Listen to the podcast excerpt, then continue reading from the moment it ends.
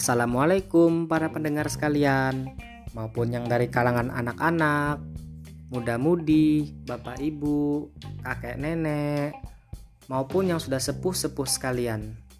Salam kenal, aku Alvin Saputra, mahasiswa IAIN Surakarta, Prodi Komunikasi dan Penyiaran Islam kelas 3D. Di sini aku akan ngejelasin sedikit analisisku tentang kecenderungan pengaruh budaya Korea melalui K-pop ataupun K-drama. Pasti dari kalian ada yang penggemar K-pop atau mungkin pecinta Korean drama. Kok bisa sih K-pop dan K-drama mendunia? Apa cuma kebetulan aja? Atau karena K-pop dan K-drama adalah bagian dari konspirasi Illuminati? Stop, stop. Jangan berprasangka dulu. Buat kalian yang para pecinta Korea, kayaknya udah pada tahu ya, Hallyu itu apaan.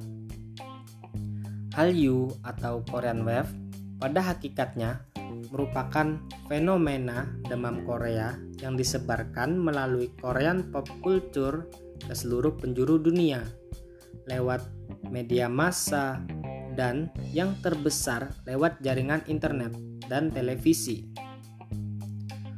Korean Web adalah istilah yang diberikan untuk tersebarnya budaya pop Korea secara global di seluruh dunia, tidak terkecuali di Indonesia, yang secara singkat mengacu pada globalisasi budaya Korea Selatan.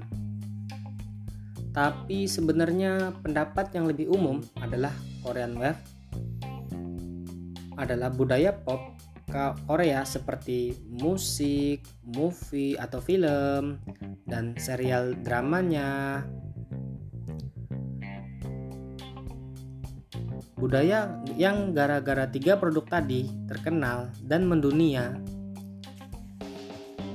orang-orang jadi tertarik untuk belajar budaya-budaya Korea lainnya, termasuk budaya yang tradisional seperti bahasanya, cara berpakaiannya, makanan tradisionalnya.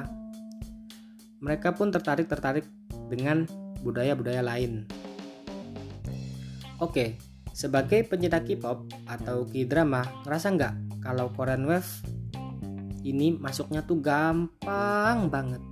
Sukanya juga gampang banget. Dan ngelupainya tuh susah banget.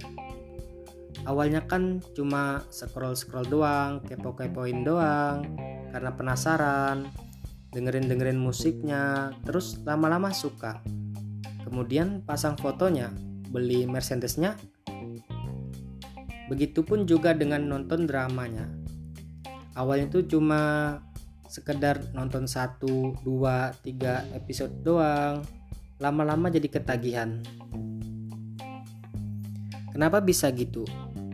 Jawabannya adalah semua lagu film serial drama yang diproduksi Korea Selatan itu dikerjakan dengan sangat matang dan profesional.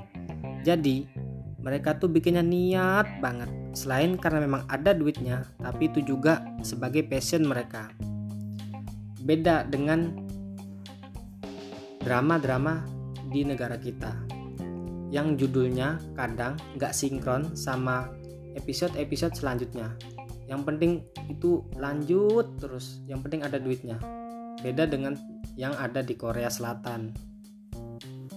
Dulu Kim Gu pejuang kemerdekaan Korea Selatan sekaligus presiden ke-13 dari pemerintahan sementara Republik Korea. Pada waktu itu zaman itu Korea Selatan tuh belum ada karena masih proses perjuangan. Dia pernah bilang gini inti dari pernyataannya itu gini. Dia pengen negaranya itu menjadi negara yang paling indah.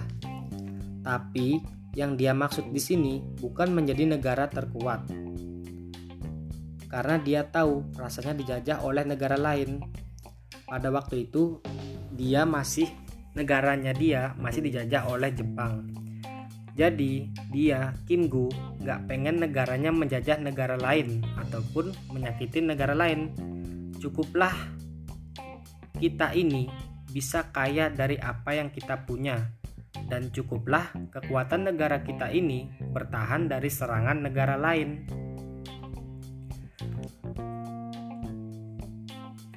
Yang ingin menyerang kita, artinya gak perlu kekuatan kita untuk pamer terus nyerang-nyerang negara lain gitu.